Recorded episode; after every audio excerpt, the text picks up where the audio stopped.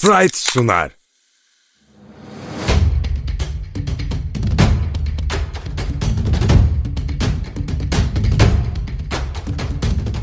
Top yalan söylemez.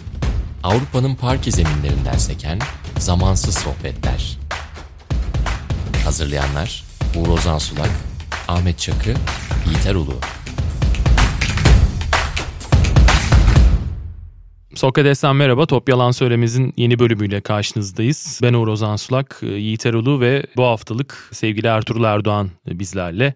Hocam hoş geldiniz. Merhaba, hoş bulduk. Ahmet Çakı milli takım kampında şu anda İsveç ve e, Hırvatistan maçının e, hazırlıkları devam ediyor. Erkenden kampa girdi e, milli takım. Bizde tabii maçlar olmadığı için biraz daha genel bir değerlendirme yapacağız. Hatta Kral Kupası'ndan başlayalım dedik. Barcelona ve Real Madrid iki Euroleague takımı.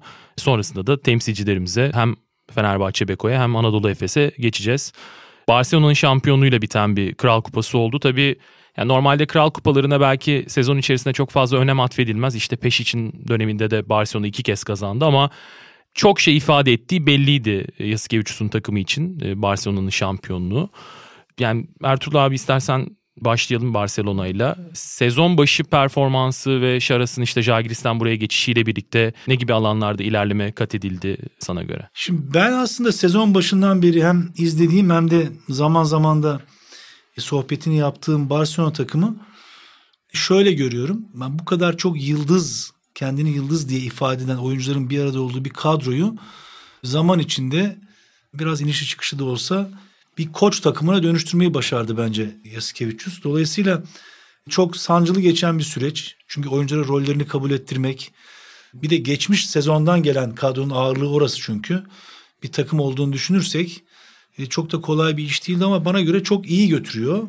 Fakat şunu anlamakta zorlanıyorum işin doğrusu. Tabii Covid, sakatlıklar her şey var ama hani zaman zaman sadece Barcelona değil diğer takımlarda çok dramatik düşüşler yaşanıyor. Barcelona bunu buna benzer bir süreci yaşadı.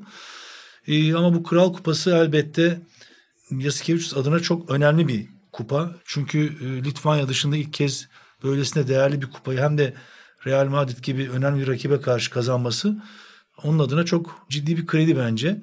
Yani şunu söyleyebilirim. Bu Kral Kupası'ndaki performansı sanki Final Four içinde ciddi bir prova gibiydi. Oynadığı basketbol, ortaya koyduğu performans.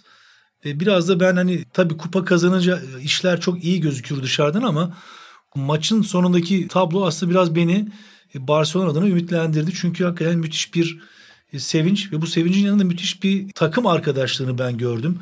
Yani Mirotic'in MVP ödülüne Higgins'i göndermesi gönderiş şekli, e, geri döndüğünde oyuncuların ona sarılması falan sanki orada kimya olarak da takım havası olarak da işlerin iyi gittiğini gösteriyor. İtir abi Barcelona özelinde sen nasıl devam edersin?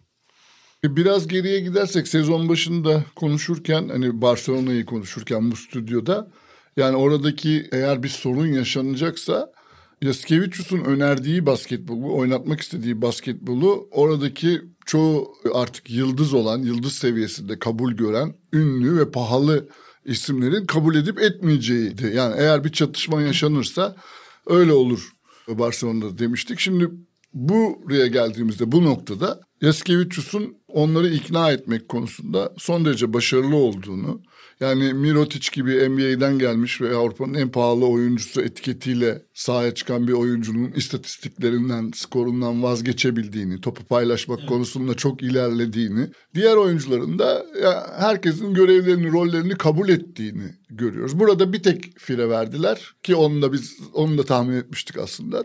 Toma Örtel yani o da zaten takımdan ayrıldı. Yani o o basketbola uymayacağı baştan da seziliyordu. E, o da bunu ifade etti. Koçla aralarında bir çatışma oldu ve ayrıldı zaten. Şimdi bu Yasikevicius'un takımı olma yolunda çok hızlı yani sezonun ortasına geldiğimizde bir sezon bile geride bırakılmadan bütün adımları attılar. Tabii ki iniş çıkışları oldu, sakatlıkları oldu. Zaman zaman hastalık ve sakatlıktan etkilendiler. Biraz e, yani sanki Brandon Davis'in yedeğini bulmak yani bir beş yedeği e, monte etmek konusunda bir tedirginlikleri hala devam ediyor gibi gözüküyor ama Kral Kupası'na dönersek buradan atlarsak Yani bence çok önemli. Şunun için önemli. Bir, Yasikevicius'un bu takımın başında kazanmış olduğu ilk kupa. Bu açıdan anlamlı. İkincisi yani Barcelona dört günde 3 Euroleague takımıyla oynadı. İşte dört günde üç Euroleague takımını yenerek ve çok net yenerek yani Baskonya maçı da daha farklı evet, olabilirdi. Yani çok çok net üstünlük sağlayarak bu kupayı kazanıyorsunuz. Bu bence kupanın e, önemini ve anlamını daha da arttıran bir şey bir performans. Yani bir sürü şey söylenebilir. Real Madrid kötü bir dönemden geçiyor denebilir vesaire. Ama e, bence gene de her ne olursa olsun İspanya'da Kral Kupası önemli bir şey. Pesic kazanırken de bu Barcelona için önemliydi. Yasikevicius'un ilk kupası olması ve bu şekilde kazanılması bence daha da anlamlı oluyor. Hocam şunu sorayım. Yani Şaras'ta biraz ilişkiniz olduğu için de belki takım açısından tüm gerçekleri çıplaklığıyla e, konuşamayız ama e, sizin yaz döneminden itibaren e, yani Şaras'la bir iletişiminizin devam ettiğini de düşünürsek şimdi kadroya baktığımızda e, Roland Schmitz de Art, Arton Pustovoy da aslında çok böyle ana planda düşünülen oyuncular gibi değildi sezon Değil. başında. Pustovoy ilk 5 çıkıyor. İşte Schmitz çok önemli bir roldeydi final maçında da. E, guard hamlesi istemişti Şaras. Potu altına hamle istemişti ama Barcelona'da e, çeşitli sebeplerden ötürü sezon içinde bunlar da yapılamadı. E, buna rağmen kadro içerisinden bazı çözümler üretti Şaras. Aslında evet yani iki tane oyuncuyu almakla alakalı isteği olduğunu biliyorum. Ama hani neden o iki oyuncu alınmadı veya şey şartlar oluşmadı onu çok detaylı hakikaten ben de bilmiyorum ama bildiğim kadarıyla bir tane uzun oyuncu bir tane de guard oyuncusu e, istediğini biliyorum. İşin en başında aslında şutör bir oyuncu bakıyordu. Fakat zaman içinde o guard ve uzuna dönmüştü. Kyle Kuric de ee, yukarıya evet, çıktı çünkü. Evet. Şöyle ben Thomas Hurtel'in de aslında çok, o çok güzel bir şey. Çünkü bu takımın kimyasında e, onun ayrılışının büyük rol oynadığını düşünüyorum. Yani daha olumlu. Daha olumlu. Evet. Çünkü e, Tom Hurtel'in hem sisteme hem coaching'e hem de aldığı role karşı müthiş bir direnci vardı. Bence öyle bir oyuncunun gönderilişi de belki içerideki bazı soru işaretlerini ve başka oyuncuların da e, dirençlerini biraz kırmış ve değiştirmiş olabilir diye düşünüyorum. Sene başından beri e, en büyük bana göre zorluğu yani e, en azından benim bildiğim sohbetlerden takımdaki hangi oyuncunun hangi rolde yer alacağını nasıl kabul ettireceğiyle alakalı çok ciddi bir uğraş verdi. Böyle bir takıma savunma yaptırmanın zorluğundan çok bahsetti. E, onunla alakalı hala ciddi bir uğraş veriyor onu biliyorum. E, e, fakat e, demin Yiğiter'in de söylediği gibi aslında iş öyle bir noktaya geldi ki bu kupa belki de onun e, isteklerinin ne kadar doğru olduğunu ve biraz da gücünü pekiştiren bir noktaya getirdi işi. Çünkü hakikaten Mirotic'in performans olarak çok da iyi olmadığı bir maçta böyle böylesine net bir skorla kazanmak bence evet Madrid'in eksikleri var. Belki onu da konuşuruz. Lasso'nun yaşadığı Hı-hı, sıkıntılar evet. var ama günün sonunda hakikaten net skorlarla kazanılmış bir kural kupası onu e, bence başka bir noktaya götürdü koç olarak. Real Madrid'e geçelim İter abi dilersen. E, yani sezon içerisinde onlar da çok fazla problem yaşadılar. Campazzo işte sezona başladı. Bunda e, Lasso'nun nedenli bu durumu tercih ettiğini hiçbir zaman belki tam anlamıyla öğrenemeyeceğiz ama çok tercih etmediği de ortada aslında. Biraz fikir hani yürütürsek. E, Tavares savunmada takımın lideriydi çok uzun süredir. Hücumda farklı bir sorumluluk almak zorunda kaldı. Randolph sezon içerisinde e, sakatlandı. E, bu maçta Jeffrey Taylor oynamadı. Rudy Fernandez'in zaten sezon içerisinde dönem dönem hep sakatlandığı periyotlar oluyor. E, Abalde ve Carroll top yönlendiricisi olarak baya baya ciddi opsiyonlar Real Madrid'de ve hani Carroll emekli oluyordu zaten yazın. E, Abalde de bir forvet yani düşündüğünüzde onu oyun kurucu olarak bu kadroda hiçbir zaman ana plana dahil etmezsiniz ama zorunda kaldı Lasso. E, Laprovitola zaten hiç katkı veremiyor. Alosen çok fazla oynamaya başladı. Real Madrid evet pahalı bir takım ama sanki şu şu izlenim net olarak var. Evet pahalı olabilirler ama bir revizyon gerekirken Real Madrid en azından bir sene o revizyonda geç kalmış gibi gözüküyor kadro yenilenmesi açısından. Yani Real Madrid hep bu tür şeyleri planlamaları önceden yapabilmesiyle bilinen bir kulüp. Tü mesela Campazzo'yu hazırlamaları, onu işte kiraya kiralık olarak e, Mursia'ya mıydı? Evet Mursia'ya göndermiş. Pasaportu çıkmıştı. Yani, evet o, o sırada beklemeleri, geldiği zaman ona verdikleri rol falan bunlar hepsi önceden mesela planlanmış ve onların istediği gibi adım adım e, gelişmiş şeylerdi ve o konuda da büyük takdir topladılar. Yani istedikleri gibi olduğu zaman tabii sonuçlar. Ama şimdi bu senenin başında Campazzo gidecek mi gitmeyecek mi sorusuyla büyük bir şeyle böyle demokrasinin kılıcı gibi takımın ve koçun başının üzerinde sallanan e, bir soruyla başladı sezon ve sonunda da Campazzo'nun ayrılışıyla e, neticelendi. Şimdi Campazzo gibi bir oyuncuyu kaybettiğiniz zaman sezonun ortasında demeyeyim hani başlarında onun yerine birini monte edebilmek, onun yerine birini koyabilmek bence çok zor. Zaten Lasso da biraz böyle bir açıklama yaptı. Yani dedi ki bana Campazzo gibi bir oyuncu gösterin. Hani şu var onun yerine bu olabilir deyin hemen gidip alayım. Doma Yani yani çalıştı. Hayır işte artık La Provitola geldi, Toma Örtel'in adı geçti falan ama bunlar hep çaresizce çırpınışlar. Yani Tabii ki. Campazzo'nun getirmiş olduğu basketbol aklını ve o takımdaki onun işte birkaç sezondur sürdürmekte olduğu o yöneticilik e, yani açıkçası bir orkestra şefi gibi yönettiği hücum organizasyonu aynı zamanda tabii savunmada da baktığınız zaman çok iyi savunmacı olabilecek fiziksel özelliklere sahip değil ama gene oyun okuma özelliğiyle, basketbol aklıyla bazen en kritik yerde çok beklenenin üzerinde bir katkı yapabiliyor. En kritik topu kapabiliyor mesela.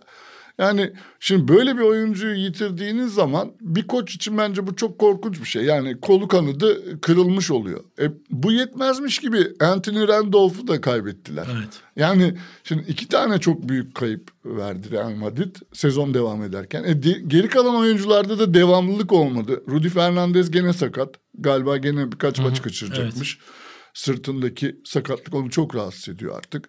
E, Lul işte bir oynadı bir oynamadı falan. Şimdi böyle bir sürekli darbe alan orasından burasından yıpra- yıpranmış bir kadronun belli bir çizgide gitmesi çok zor. Ve onlardan beklenen de hep ilk dörtte olmaları, hep Final Four oynamaları. Ve kontratsız da bir koç var. Onun da ne olursa olsun takım üzerinde etkisi O da o da Mutlaka mutlaka vardır. çok o da çok oyuncuların bence yönetimle olan e, şeylerini, güven duygusunu sarsan yani özel, önce teknik yönetimini sonra da daha yukarısıyla olan ilişkilerini biraz sarsan bir pozisyon. Yani Real Madrid gene de bence bütün bunlara rağmen e, Euroleague'de olduğu sıra sıralamada bulunduğu Gayet. yer bence takdire şayan. Gene daha aşağılara da düşebilirdi. Yani düşmesi gerekirdi diye düşünüyor insan. Ama hani e, kişisel işte Tavares'in zaman zaman çıkıp e, oyuna ağırlığını koymasıyla işte kimi maçta J.C. Carroll'ın kendisinden hiç beklenmiyor. Yani artık bu yaşından beklenmiyor. İlk beş çıktı kaç maç? Bildiğimiz J.C. Carroll'dan beklenirdi. Artık yaşı ilerledikçe hani onun maç kurtarması falan zor oluyor diye düşünüyor insan.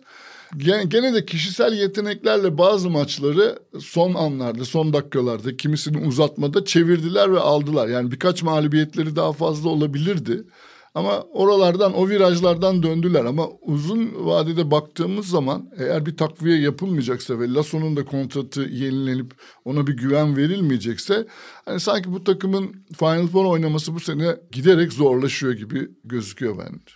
Tabii burada koça da krediyi vermek lazım. Yani ben şimdi herhalde Madrid kadar bu kadar yakın maç götüren, uzatma oynayan ve eldeki malzemeye göre de uzatmaları kazanan başka bir takım yok diye düşünüyorum şu anda. Ben Abalde ile bir Panathinaikos maçı kazandı mesela deplasmanda uzatmada. Abalde'yi. Abalde'yi garda çekerek oradan çözdü. Olağanüstüydü. İstanbul'da Efes maçına başladığı 5 örneğin. Garuba Tabii yani şimdi oynadı. dolayısıyla aslında eldeki malzemeyi bence en efektif kullanmaya çalışan bir Lasso var bu sene. Belki çok böyle e, albenisi olmayan, reytingi olmayan bir koç gibi duruyor ama tabii Lasso bence muazzam iş yapıyor. Ama belli ki bir sıkıntı var. Çünkü hakikaten Real Madrid takımı böylesine sıkıntılar yaşarken takviye yapmaması yani bütçesel anlamda bir problem olduğunu düşünmüyorum. Çok büyük bir kulüp çünkü. Mutlaka ve mutlaka arkasında başka bir plan var diye düşünüyorum. Sağlıklı kalamazlarsa eğer ben de katılıyorum Final Four çok kolay gözükmüyor. Çünkü hem Lul'un hem de Fernandez'in orada sağlıklı kalması çünkü guard pozisyonunda çok fazla seçeneği de yok aslında. çok az, evet. Çünkü bu seviyede oynamamış birçok oyuncuyla oynamak durumunda kalıyor.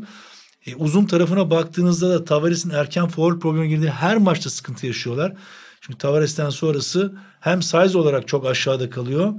Hem de Hem tecrübe. per- te- hem, te- hem de performans olarak da çok aşağıda kalıyor. Çünkü sadece savunmadaki caydırıcılığı değil, hücumdaki etkinliği de çok fazla e, Tavares'in. Böyle bakıldığında e, Madrid biraz ilerleyen günlerde sağlıklı bir kadroyu sahaya çıkaramazsa zorlanacakmış gibi duruyor. Çünkü alttan gelen takımlar özellikle Efes ve Fenerbahçe sanki onların işini biraz daha zorlaştıracak gibi duruyor. Ama Real Madrid'de yani İspanyol koç kültürü de e, aslında yani Lolo Sainz'dan beri hiç yok. İşte Imbro'da bir sene yapmıştı. Yani Obradovic'in 2 yıllık 3 yıllık periyodundan sonra e, hiçbir İspanyol koç Plaza Euro Cup'ı kazanmasına rağmen çok fazla kalamadı.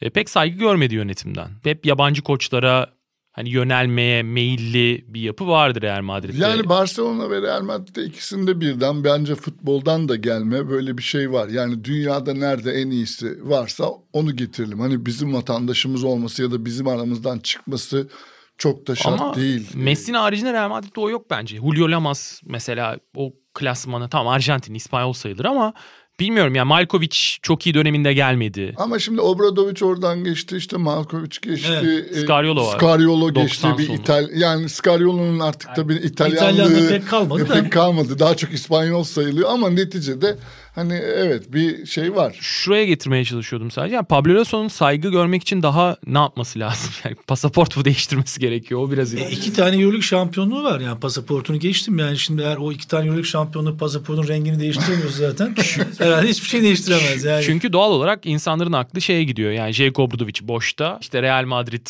bunu en azından yönetim kademesi olarak dikkate alıyor. Ve Pablo Lasso'nun üzerinde bu Yiğiter abinin hani Campazzo için kullandığı e, Demokras'in kıl- kılıcı durumunun belki bir başka versiyonu. E, Obradovic'in boşta olması Real Madrid'in e, gelecek planları için. Ya ben tabii şöyle bakıyorum. Şimdi 11 yıl Real Madrid'de bu seviyede koçluk yapmış. Pablo Lasso'nun bu tip bir stres yönetimini ben başarabileceğini düşünüyorum. Obradovic'in Demokras'ın kılıcı gibi üstünde olmasından ziyade bence temel konu onun açısından yönetemeyeceği bence en temel konu eğer sağlıklı bir Real Madrid e- eldeki malzemenin sağlıklı olması onu sahaya çıkaramazsa ve takviye yapamazsa sağlıklı olmayan bir Real Madrid kadrosuna o zaman büyük sıkıntı var. Yani burada koçluğun çok ötesine geçen bir durum var. Ama hani dışarıda kontrat verilmedi. Obradovic dışarıda duruyor. O baskıyla ben performansını düş bence tam tersi büyük bir challenge.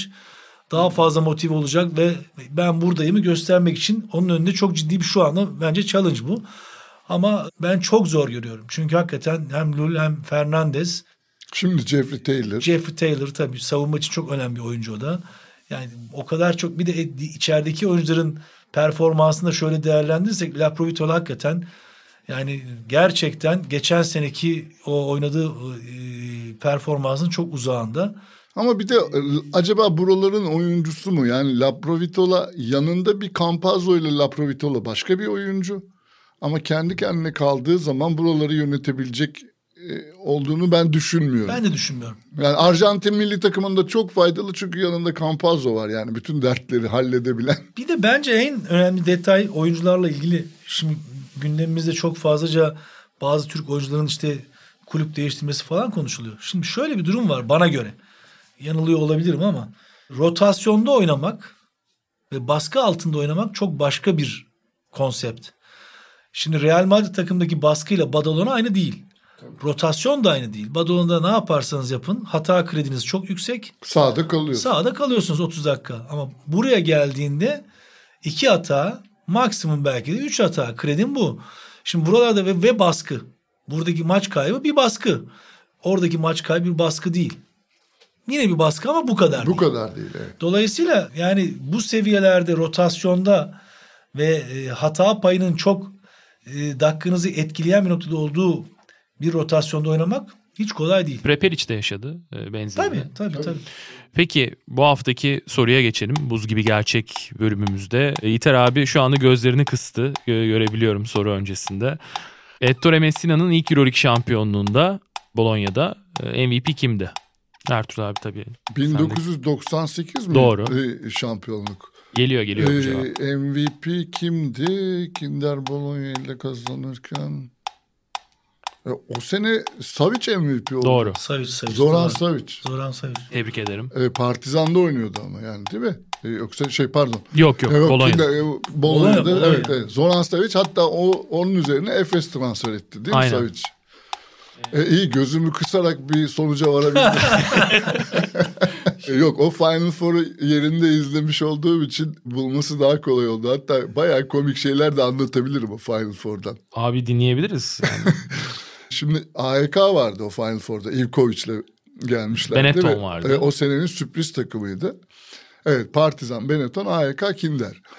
E, AEK'lı taraftarlar şimdi gözünüzde canlandırabilirsiniz yani futbol taraftarı ve yani salona girdikleri andan itibaren olay çıkartmaya çok niyetli geldiklerini hem dış görüntü itibariyle hem etrafa saçmış oldukları yoğun alkol e, kokusuyla belli ediyorlardı. Şimdi biletler de öyle bir satılmış ki büyük ihtimalle Bolonya'dan gelen insanlar böyle çok üst düzey işte sezonluk bilet alan üst, üst gelir grubundan insanlar ön sıraları tamamen almışlar ama Bolonyalılar oturuyor önlerde. Ama yani kadınlar falan böyle neredeyse tuvaletle operaya gelir gibi gelmişler. Moda dergisinden çıkmış gibi. Çok şık insanlar var. Hakikaten öyle.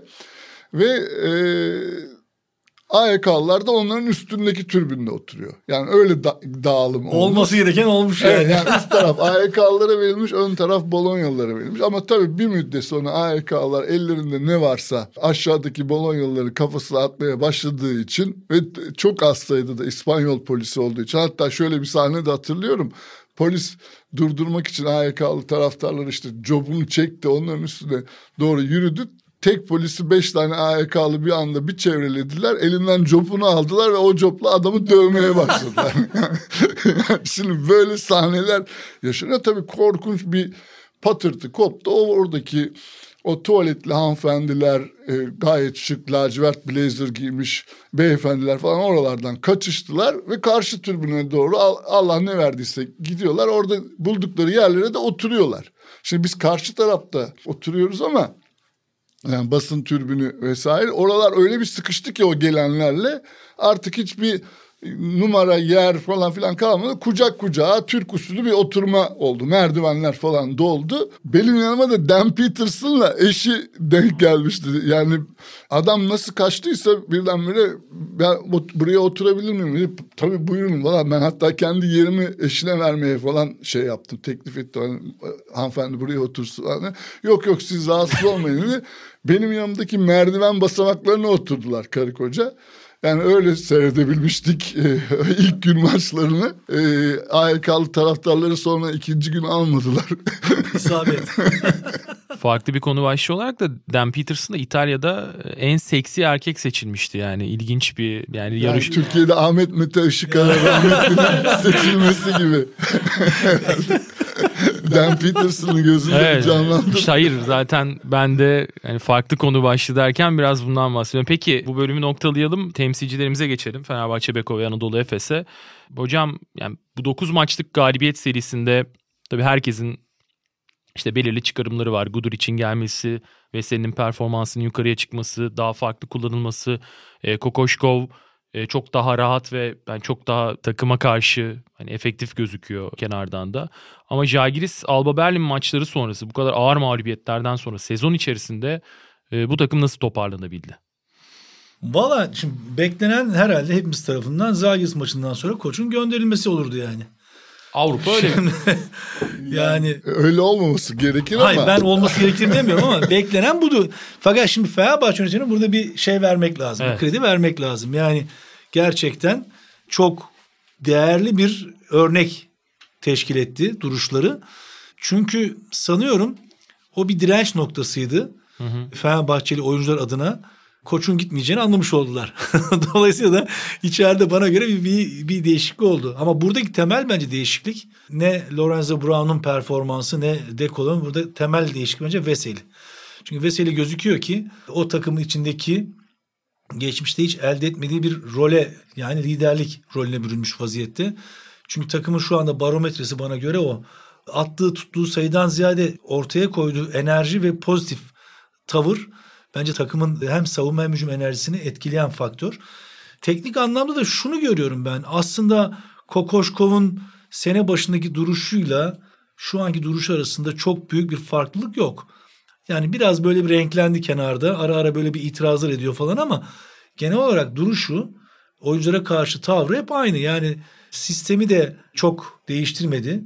Çok böyle hani Avrupa basketboluna kendime uydurum gibi bir kaygısı da yok. Dolayısıyla iş sanki teknik işlerden ziyade biraz psikolojik tarafında yoğunlaşıyor Fenerbahçe adına. Guduric'in gelmesi ama O çok önemli bir etken bana göre. Çünkü içeride sanıyorum bir tane daha pozitif bir ses var şu anda soyunma odasında. En azından e, buradaki sıkıntılı e, senaryoları daha önce yaşamış ve bilen bir oyuncu. Avrupa'yı bilen bir oyuncu. Avrupa basketbolunu bilen bir oyuncu. E, Amerikalılarla da sanıyorum çok daha farklıdır şu anda NBA dönüşünde ilişkileri. E, bence temel nokta biraz oydu. Çünkü şöyle dikkat edersek sanıyorum orada 7-8 tane o yeni oyuncu var şeyde Fenerbahçe'de. Yani kadroyu aşağı yukarı yeni baştan yapmış gibi oldular. Dolayısıyla aslında belki de böyle iniş çıkışlı bir performans beklenilebilir ama tabii Fenerbahçe hani Obradoviç sonrasında beklentilerin hep yüksek olduğu bir camia. Koçun bile tavrının Obradoviç'e yaklaşması beklendi mesela. Yani karakteri ve tavrı değişsin gibi bir beklenti bile vardı Evet, yani. Sağdaki duruşu, Tabii, hakemlerle tabii. olan ilişkisi. Evet yani şimdi kardeşim hiç, hiç bir yüzü kızarmaz bu adamın noktasında. Evet, Benim niye bağırmıyor? Tabii arkadaşlarım bana bunu söylüyor. Şimdi dolayısıyla bir de tavır farklı şöyle. Kokoşkov biraz daha yani oyuncu tarafında yer alan ne demek istiyorum? Biraz daha oyuncunun basketbolda bu oyunda başrol oyuncusu olduğunu düşünen tarzda koçlardan. Krediyi de oyuncuya veren, hata yaptığında çok bunu yüksek dozda e, ortaya koymayan tarzda bir yönetimi var. Sanki iki tarafta birbirini daha iyi anlamaya başladı ama temel konu bence dediğim gibi Veseli'nin buradaki enerjisinin değişmesi çünkü çok kötü bir hakikaten enerjisi vardı ve Gudur için de belki bu enerjiye biraz katkı yapması. Bence bu iki oyuncu çok değiştirdi hakikaten. Yiğiter abi daha önceki programlarda da konuşmuştuk. Aslında NBA'de Kokoşkov'un medya tarafından daha çok eleştirildiği ya da takımdaki oyuncuların medyaya verdiği röportajlarda işte Ayton mesela DeAndre Ayton bir açıklama yapmıştı. İşte Kokoşkov çok fazla işin teknik taktik kısmıyla e, uğraşıyor ve takımı bu yönden e, yukarıya çıkartmaya gayret ediyor ama hani bireysel ilişkilerde bence biraz zayıf kaldı tarzında bir açıklaması vardı. Sanki şu anki durumda bu 9 maçlık galibiyet serisinde ben değişiklik olarak e, Ertuğrul abiye de onu söyledim. Yani oyuncular da biraz daha fazla böyle koça kendilerini yakın hissetmeye e, başladılar. Belki Sanki. yani çünkü maç sonundaki röportajlarda ya da maç sonundaki basın toplantılarında da e, Kokoşkov'un durumu böyle biraz e, NBA'deki normal sezon havası vardı kaybedilen maçlarda ama o da biraz daha değişti kazanma periyodunda. Yani Fenerbahçe'yi bundan sonrası için playoff adaylığının ötesinde görebilir miyiz? Yani net bir Final Four adayı haline bürünebilir mi Fenerbahçe? Ya da tepedeki takımların e, çok iyi olmamasıyla birlikte bu sezon. işte CSK için konuştuk, Real Madrid için konuştuk. E, Barcelona bir seri yakalasa da onlar da sezon içerisinde düşüş yaşadılar. E, nasıl konumlandırmak lazım Fenerbahçe Beko'yu? Yani diğer sezonlara benzemeyen bir sezondan geçtiğimiz çok aşikar. Yani diğer sezonlarda hep otomatik favoriler vardı. İşte CSK, Real Madrid. Hemen başta onlar sayılıyordu. Tabii ki Fenerbahçe o zamanlar. Sonra bir dördüncü aranıyordu Final Four'a. Şimdi öyle bir sezonda olmadığımızı artık çok net görüyoruz. Çünkü yani favoriler, favori diye başlamış olan takımlar da sezon içerisinde çok silkelendiler, yalpaladılar ve kendi basketbollarından uzaklaştılar. Şimdi tamirat yapmaya çalışıyorlar. Mesela CSK. Evet. Real Madrid'in işte az önce konuştuk yaşamış olduğu sorunları. Fenerbahçe ve Efes bu fırtınalara çok daha erken yakalandı onlardan. Ve sezon başında bu kötü sonuçlar alındı, birikti hatta ve hatta Fenerbahçe tarafında taraftarda bir umutsuzluğa bile neden oldu. Yani biz bu sene playoff'a giremeyiz herhalde diye düşünen Fenerbahçeli taraftarlar oldu ki biz bunun böyle olmayacağını e, burada konuşmuştuk daha önce. Yani öyle bakıldığı zaman bence klasik bir e, Final Four ya görmeye alıştığımız bir Final Four olmayacak. Çok sürpriz takımlarda o, olabilir orada sezon başında adı geçmeyen. Ve sezonun başında işte 6 galibiyet 10 mağlubiyeti mi vardı Fenerbahçe'nin ilk 16 maçta. Ve adı playoff için bile telaffuz edildiğinde canım sen de çok iyimsersin falan denilen Fenerbahçe'nin şu anda Final Four oynamaması için şu anki gidişatta form durumlarına bakıldığı zaman Final Four oynamaması için bence bir sebep gözükmüyor. Yani e, herkesle başa baş oynayabildiğini, herkesi yenebildiğini içeride dışarıda gösteren bir takım var. Bununla beraber özgüveni de artık e, takımın arttı. Yani Ertuğrul Hoca'nın altını çizdiği şeyler çok önemli. Veseli'nin eskiden alışkın olduğumuz fiziksel gücüne erişip takıma liderlik yapabilecek kadar hani psikolojisiyle ve fiziğiyle takımda sivrilmesi. Nando De Colo'nun sakatlıktan dönüşte birazcık kötü haftalar geçirse de sonra toparlanması ve tam orada Gudur için e, eklenmesi ve bu onun montajının çok kısa sürmesi yani hiç adaptasyon şeyi geçirmeden, devresi geçirmeden arkadaşlarına uyum sağlaması. Ve bence gene bunu da söyleyelim hemen peşinden. Çünkü Kokoşkov da aslında bence rakipleri ve ligi tanıdıkça e, ve kendi elindeki malzemeyi de bence daha iyi tanıdıkça Kokoşkov da form grafiğini arttırdı. Yani aslında o da ligin ilk 5-6 haftasındaki Eurolig'in ilk 5-6 haftasındaki maçlardan çok daha hakim şu anda takımına. Yani bir koç elbette bazı şeyler hatalar yapabilir. Yani onun da bazı maç sonu beşleri falan e, zaman zaman burada da eleştirdiğimiz oluyor. Ama e, genel olarak bence takımına olan hakimiyeti arttı diye düşünüyorum. Bütün bunlar işte bir araya geldiği zaman Fenerbahçe şu anda ligin en iyi takımı hangisi? Barcelona. Yani herkes onu konuştuğuna göre.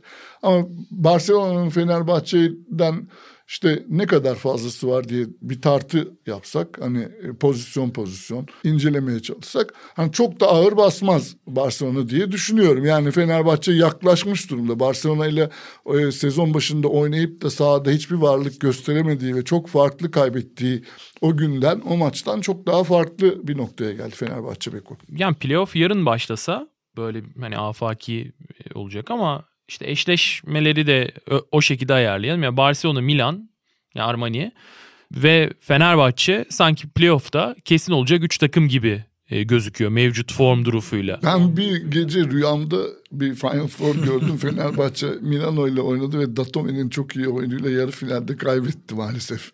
Final Four'da Milano'ya. Eğer böyle bir eşleşme Eyvah. olursa bunu hatırlayın. Rüyalar ters çıkar ama evet, yani yaşayıp ter, göreceğiz. Yani eşleşme olsun tersi çıksın o zaman.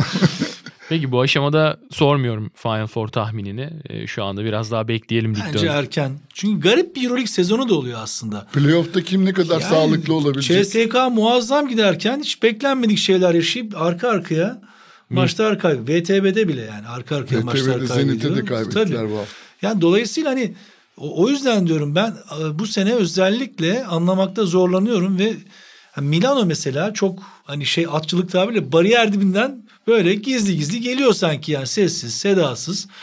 Aslında sene başında kurdukları kadroya bakıldığı zaman pek sessiz sedasız değil. Bayağı iddialı. Hani Barcelona ile beraber bu sene mutlaka Final Four'da olacağım niyetiyle yola çıkan bir takımdı. Bir takım. Ama şimdi yani, klasik Milano'yu ama... düşündüğümüz zaman hiç böyle insanlar oraya konduramıyorlar ama hakikaten Messina ile beraber evet, çok değişti da... ve üstüne koyarak geliyorlar. Yani o yüzden yani şu anda mesela Milano'da ciddi bir aday e tabi. E, şimdi mesela Fenerbahçe'nin Bayern Münih Zalgiris maçları çok belirleyici maçlar. Sıralamayı.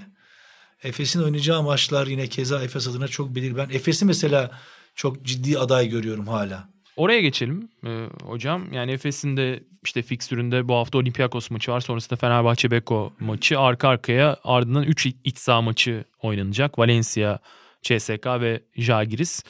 Ee, Efes de potansiyelini yani hala bir şampiyonluk adayı e, olarak anılabileceğini Barcelona deplasmanında aslında e, bir açıdan gösterdi. Evet tek maç olabilir ama e, ne olursa olsun yani iki kere Barcelona'yı aynı sezonda yenmek de e, bir mertebe, bir nişane. Neler söylersiniz? Yani Efes'in de çok sıkıntılı bir sezonu oldu. E, ilk 8'den yenilen tek takım Barcelona. Onlara da iki galibiyet aldılar. Bundan sonrası nasıl olur? Valla ben şu anda sanki Efes'in Hani demin Yiğiter'in de vurguladığı gibi sene başında çok erken yakalandı o dalgaya. Yani Larkin'in e, işte geç gelişi, formsuzluğu tabii. Sakat gelmedi. Tabii. Ondan sonra Emic'in bana göre yani biz Gloria'da beraberdik onlarla. Sanki böyle e, kafaca sezon hiç başlamamış gibiydi onun için. Yani öyle bir hali tavrı vardı. Şimdi bence mental olarak daha yeni yeni forma giriyor. Fiziksel olarak belki formda olabilir ama sezon başından beri mental olarak daha yeni yeni forma giriyor. Belki Larkin biraz yükünü azalttı veya biraz daha elinden o topu aldığı için belki biraz daha dengeler oturdu. Bilemiyorum oradaki içerideki detayları ama şimdi tabii Efes'in en büyük bence şeyi Larkin. Yani Larkin oranın e, net bir şekilde lideri ve dinamosu. Mitch'le beraber de çok iyi bir ikili.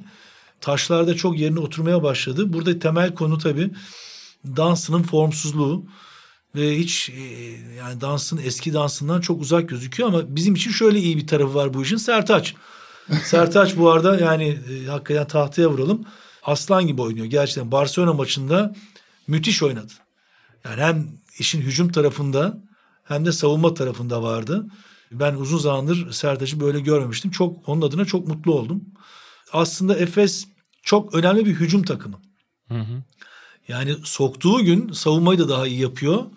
Soktuğu gün e, açık sahayı da çok daha iyi kullanıyor. Örneğin Barcelona maçı zaten öyle oldu. Yani hakikaten e, bir ara ben Yasikevicius'un yüzünde bir çaresizlik gördüm yani kenarda. Çünkü bir sürü savunma sav- değişikliği yaptılar. Savunma da, savunma da Efes'te çok iyiydi. Özellikle üçüncü çeyrekte. Çok iyiydi. Yani, Barcelona'nın bütün kozlarını elinden evet. aldı. Dolayısıyla ben Efes takımını kalan maçlar tabii çok önemli sağlıklı kalabilmesi ama hani bu süratle bu performansla sene sonunu çok böyle flash bitirebilirler diye bekliyorum. Ama tabii şu çok önemli yani yine söylüyorum Covid ve Covid'in arkasına gelen sakatlık hikayeleri çok takımların performansını etkiliyor. Efes sağlıklı kaldığı an bence Final Four adaylarının çok önünde. Yani e, Barcelona gibi, Milano gibi, CSK gibi en az onlar kadar bence şansı var. Peki Milano'nun kadro kurulumuyla alakalı biraz girizgah yaptık ama aslında gelen oyunculara baktığımızda hepsi neredeyse sezon sonu düşünülerek kadroya katılmış oyuncular. İşte Gigi Datome, Kyle Hines e, başta olmak üzere bu iki oyuncu e, rüştünü kazanan takımlarda ispatlamış isimler. E Kevin Panther belki beklentinin üzerinde verim anlamında bir sezon geçiriyor. Messina'nın son geçen yılki kadrosuna oranla daha çok alternatifli bir ekibi var, bir oyuncu rotasyonu var. Ama Milano da aynı Efes gibi tepedeki takımlar yenilebilir gözüktükleri için e, belki olmaması gereken bir konumda şu anda. Herkes Milano'yu şampiyon olabilir, şampiyon olma ihtimali yüksek şeklinde e, anıyor sezonun bu bölümünde. Milano biraz daha böyle e, Ertuğrul Hoca'nın da söylediği gibi radar altında e, ilerlemeyi tercih edebilirdi. Bariyer sanki. dibinden. Evet sezon bariyer dibinden ilerlemeyi sanki tercih edebilirlerdi. Şu an çünkü Real Madrid'de CSK'da hedef tahtasından biraz uzaklaştı. Yani herkes Barcelona ve Milano'yu yani bir ve ikinci takım gibi şu aşamada sezonda görüyor. Yani şampiyonluk konu için telaffuz etmek için bence çok erken henüz. Ama söylediklerin içerisinde bence en çarpıcı tanımlama şu. Yani bu kadro kurulurken playoff ve Final Four zamanı sezonun son bir aylık bölümü düşünülerek kurulmuş bir takım. Yani hem tecrübe olarak oyuncular oraları oynamaya çok alışkın oyuncular ama daha önemlisi galiba bunu bir kere daha konuşmuştuk ya da ben söylemiştim diye hatırlıyorum. Şimdi çok fiziksel bir takım Milano. Yani Heinz, Shevin Shields, Gigi Datome, yani işte az önce adı geçen guard pozisyonunda Kevin Panther bunlar siz çarptığınız zaman büyük ihtimalle siz yıkılırsınız. Tarçeski. Yani on, Tarçeski. Onlar yıkılmıyorlar. Yani duvar kurar gibi bir takım kurdular sene başında. Ve bu özellikle tamam sezon içerisinde oyun biraz daha akıcı olabiliyor. Biraz daha tempolar yükselebiliyor. Transition basketi daha çok buluyor takımlar ama playoff geldiğinde tempo düştüğünde 5'e 5 oyunda bu bu takım daha da ağır basabilir. Yani eğer sağlıklı olarak tam kadroyla sahada yer alırlarsa. Yani benim şu ana kadar gördüğüm olimpiyada eğer Messina'ya bugün sorulsa belki yani sen bu kadroyu kurarken işte hani bu oyunculardan hangisini acaba değiştirmek isterdi ya da memnun olmadığın var mı diye belki Malcolm Delaney'i söyleyebilir.